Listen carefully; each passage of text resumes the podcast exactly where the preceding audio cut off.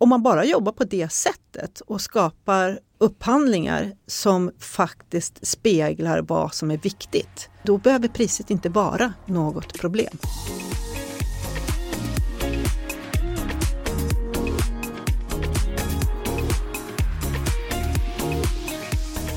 Julia, nu har det blåst upp till offentlig upphandlingsstorm här igen. Ja, det får man verkligen eh, säga. Och det är återigen då de här låga priserna som står i fokus. De offentliga upphandlingarna renderar ju sällan i den mest eh, spexiga av kommunikationen, men de är fortfarande jäkligt, jäkligt viktiga. Och för många byråer så är det ju en, också en väldigt viktig inkomstkälla.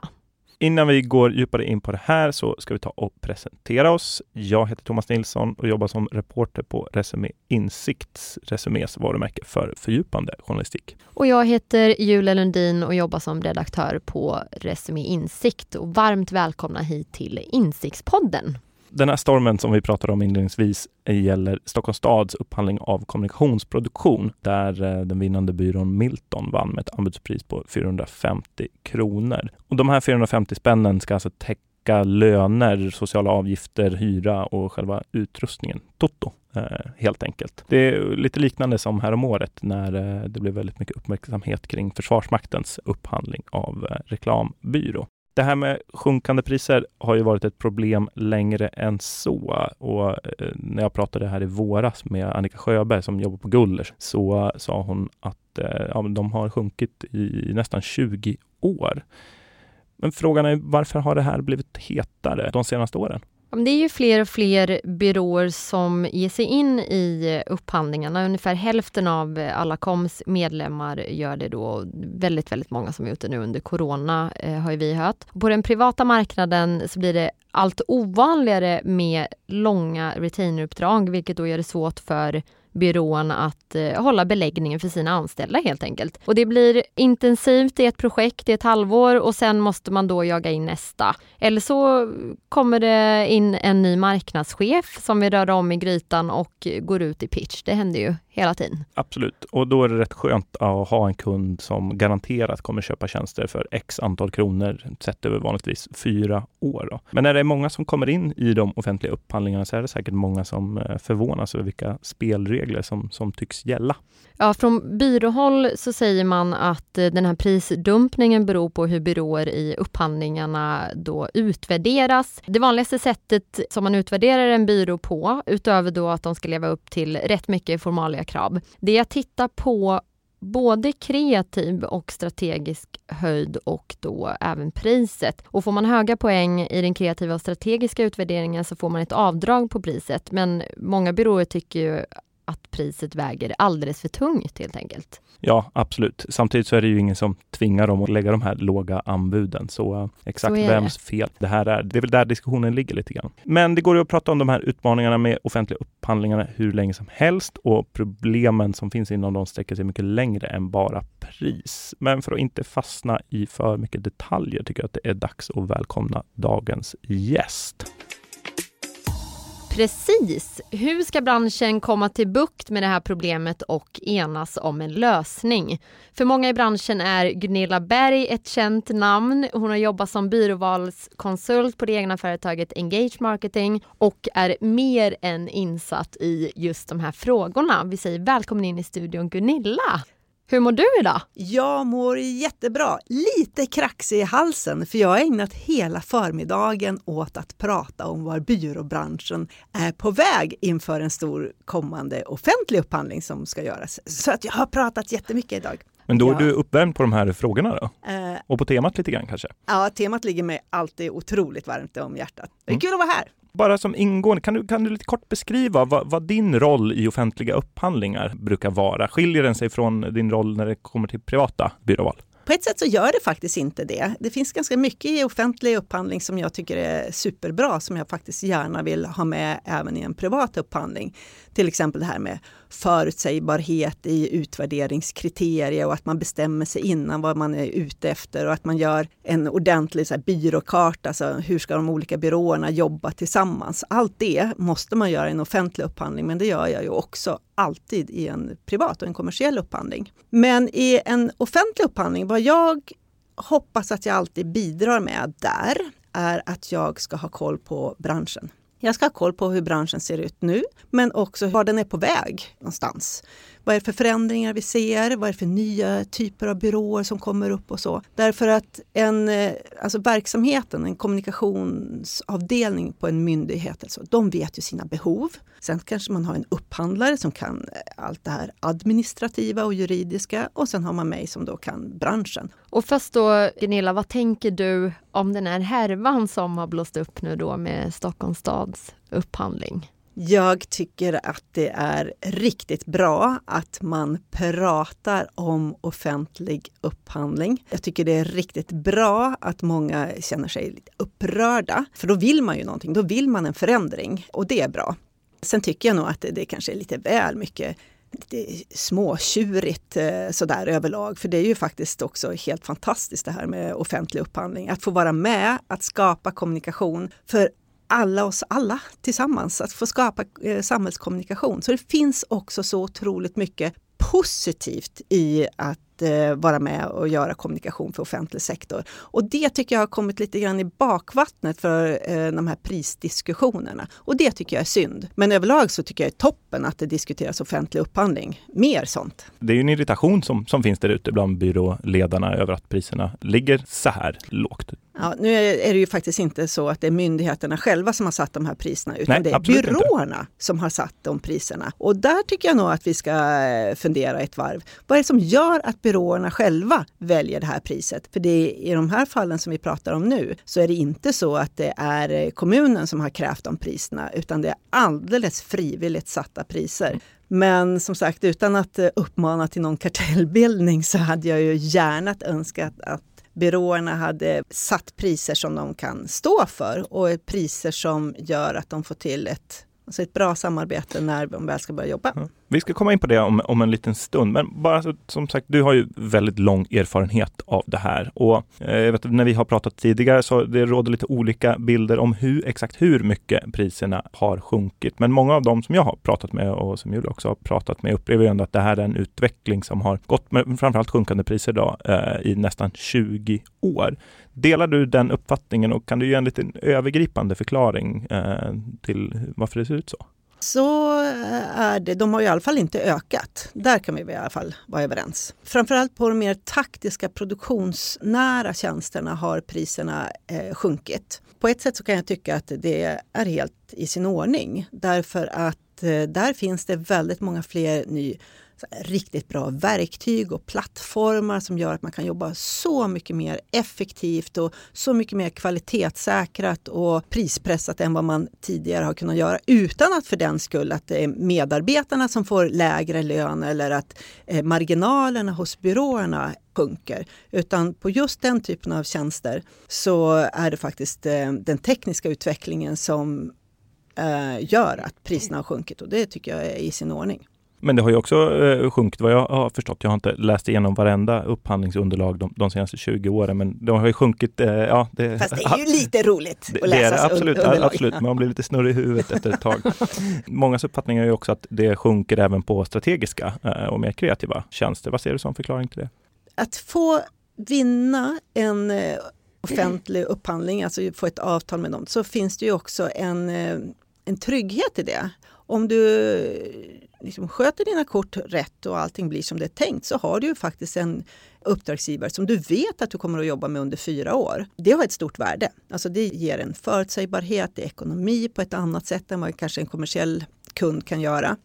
Så det finns ett värde i det. Sen kan jag också tycka att, eh, att få göra samhällskommunikation som faktiskt handlar om att vi tar vara på eller vi utgår ifrån de offentliga skattemedlen som ska betala för de här arvodena, ja men då ska man kanske inte ligga på samma nivåer som en kommersiell aktör som ska tjäna pengar på den kommunikationen som görs. Överlag så tycker jag ju också att eh, även på de strategiska och kreativa tjänsterna så kanske det ska ligga lite lägre av rent liksom, värderingsmässiga grunder. Så det är liksom och att det då har legat för högt tidigare? Nej, det vet jag inte riktigt om det har legat för högt. Men vi måste se skillnaden mellan en kommersiell och en eh, samhällsaktör. Mm. Alltså är du med och ska skapa kommunikation för, liksom den, för medborgare och för vårt gemensamma samhälle som finansieras av skattepengar, ja då tycker jag nog att priserna bör ligga lägre. Men som sagt, det är ju upp till byråerna. Och det här tycker jag är lite synd att man inte riktigt sätter ett större fokus på att det är faktiskt byråer. Vi är specialister på det vi gör, precis som du. Därför försäkrar vi på Swedea bara småföretag, som ditt. För oss är små företag alltid större än stora och vår företagsförsäkring anpassar sig helt efter firmans förutsättningar. Gå in på swedea.se företag och jämför själv.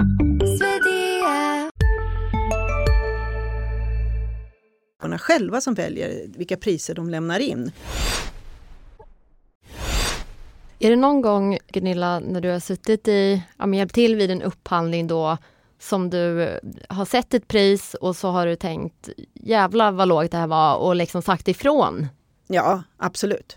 Det har hänt? Absolut. Alltså, nu är det ju förbjudet att sätta ett golvpris det kunde man ju tidigare göra, att ni får inte lämna lägre än så här. Alltså lämnar ni lägre så räknar vi upp det till det här eh, priset i alla fall. Där har lagen förändrats, så det får vi inte göra längre. Och det tycker jag är lite synd, för det var ändå ett bra verktyg som vi hade för att inte få dumpade priser. Men att gå tillbaka till en byrå och fråga, men hur har ni tänkt här? Det tycker jag är, eh, det måste man göra. Vad svarar de då? Utan att, du behöver inte nämna några byrånamn sådär, men om, om du kan bara beskriva lite grann, hur, hur motiverar man de här låga anbuden som man lämnar? Om du läser de senaste artiklarna som ni själva har skrivit i ämnet så tror jag att ni har ganska bra sammanfattning av hur de svaren brukar se ut. Från byråsidan så har man ju efterfrågat, eller flera stycken som, som efterfrågar en modell med, med fasta priser och man går ut och hyllar när det är någon myndighet som har, ja, men som har använt just den, den modellen. Där det då snarare så att, att myndigheten säger att det är de här priserna som, som gäller och så utvärderar vi er på helt eh, strategisk och, och, kreativ nivå helt enkelt. Men du eh, är lite tveksam till eh, den modellen, i alla fall som någon form av standardmodell. Kan du berätta lite grann mer om varför då? Därför att det är inte one size fits all. Ibland kan det vara ett eh, jättebra, en jättebra metod. Jag gjorde precis nu i dagarna en, eh, en upphandling för en, eh, en webbyrå där man visste exakt vad som skulle levereras. Då sa vi så här, okay, det här är de pengarna ni får för att kunna leverera det här vill ni vara med eller inte och lämna anbud. Och de som sen lämnade anbud, då utvärderar vi dem på hur de skulle göra, eh, göra utveckla den här nya, nya sajten, på arbetsmetod, men också liksom, kunde man få något mer för de här pengarna eller inte. Och det blev en väldigt eh, alltså väldigt bra sätt att utvärdera. Så att ja, ibland så är fasta priser riktigt bra. Men det gäller ju då också att den upphandlande myndigheten har stenkoll på vad är det för rimliga priser nu för tiden? Vad ligger priserna på och för de olika rollerna och för de olika kompetenserna och de olika leveranserna. Vi ska inte bara titta på roller utan vi ska också titta på leveranser. För en person kanske levererar olika saker. Så att det krävs en större branschkunskap för att kunna sätta fasta priser som blir rimliga. Vad säger upphandlarna när man föreslår fasta priser? Upphandlare som jag samarbetar med, vi har ju det samarbetet därför att jag ska komma med den typen av eh, förslag och rekommendationer på både utvärderingsmodell och, och, och så. Så att jag har inte fått den eh, svaret någon gång, för frågan har aldrig ställts. Mm. Tror du att vi, vi börjar närma oss en punkt där många byråer som, som ser hur konkurrenterna lägger låga anbudspriser, eh, för det, det ju, verkar ju ändå vara så, så att det är fler och fler som intresserar sig för offentliga upphandlingar från, från byråsidan. Men att det där kanske börjar vända lite grann nu när man ser de låga anbuden och att man då väljer bort det helt enkelt. Tror att vi börjar närma oss en smärtpunkt helt enkelt? Ja, det kan vi nog. Eh, vi kan nog vara där snart. Men då ska vi faktiskt också påminna oss om den offentliga aktörens ansvar att göra bra upphandlingar. Det är faktiskt inte bara byråernas ansvar till att vi ska få okej okay priser som möjliggör att de har råd med vidareutbildning, har råd med liksom proaktivitet, ha råd med lite luft i sina dagar och ha råd att inte ta betalt för varenda samtal som de har med kunden. Utan det är faktiskt också så att eh, myndigheterna måste börja göra bättre upphandlingar, faktiskt där priset blir kanske den sista avgörande kriteriet när man ska välja Alltså det är först vi tittar på andra kriterier, alltså vad gäller erfarenheter och, och deras strategiska kreativa förmåga eller vad vi nu har som utvärderingskriterier. Men det är sen när vi vet att vi har de absolut bästa på kvalitet, ja då kan ju priset få en betydelse. Så att om man bara jobbar på det sättet och skapar upphandlingar som faktiskt speglar vad som är viktigt, ja, då behöver priset inte vara något problem. Mm. KOM har ju tillsammans med Precis och eh, Swedish Content Agency skrivit en, en handbok om eh, upphandlingar. Hur, hur ser du på branschorganisationernas ansvar i just den här frågan? Ja, det är en handbok som inte är riktigt mot byråerna utan det är en, eh, en bok som är till för mer de upphandlande mm. myndigheterna. Mm.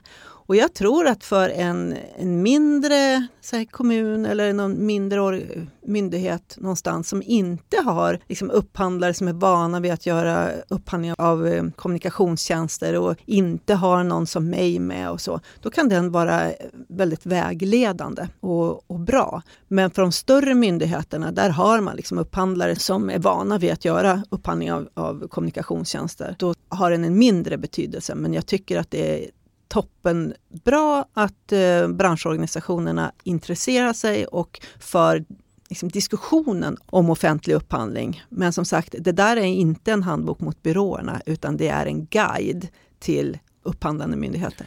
Tycker du att man skjuter lite grann ansvaret ifrån sig? Du var inne där på att det, det är faktiskt byråerna som lämnar de här eh, anbudsnivåerna från branschorganisationens sida. Då.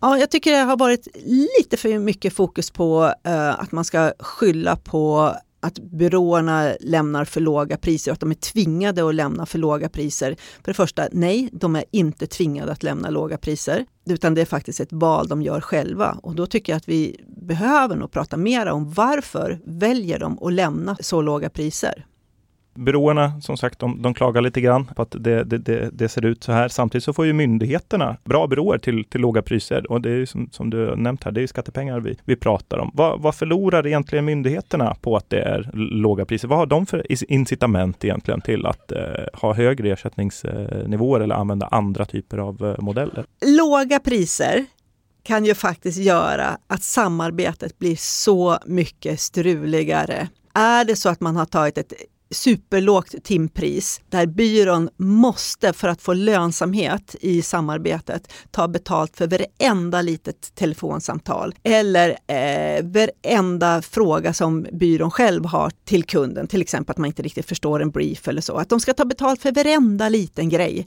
Då gör det faktiskt så att låga priser gör att samarbetet blir riktigt uselt. Och vi vet ju också att riktigt dåliga samarbeten aldrig skapar kommunikation i världsklass.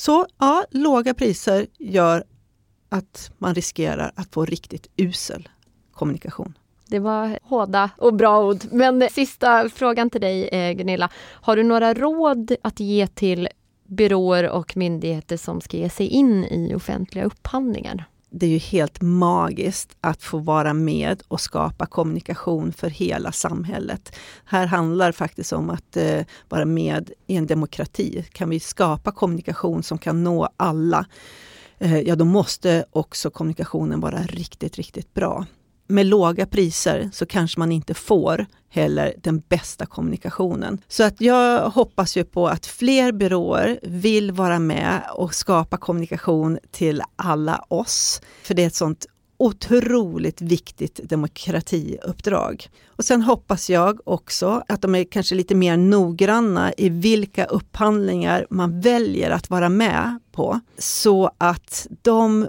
man väl väljer att lämna anbud på, att man lägger ner lite mer möda på att kolla att man har lämnat in ett korrekt anbud.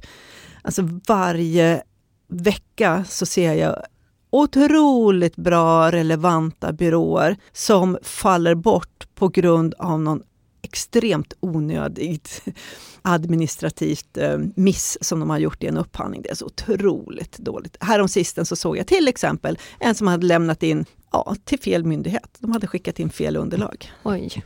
Om man inte har gjort den eh, hemläxan så då kanske man ska hålla nere på, på kritiken lite grann. Stort tack Gunilla för att du kom och gästade oss i podden den här veckan. Tack ska ni ha och tack för att ni faktiskt tar upp dialogen och diskussionen om offentlig kommunikation. Den är så evinnerligt viktig för oss alla. Ni lyssnare, ska vi säga, ni får gärna lämna ett betyg på podden i Podcaster-appen.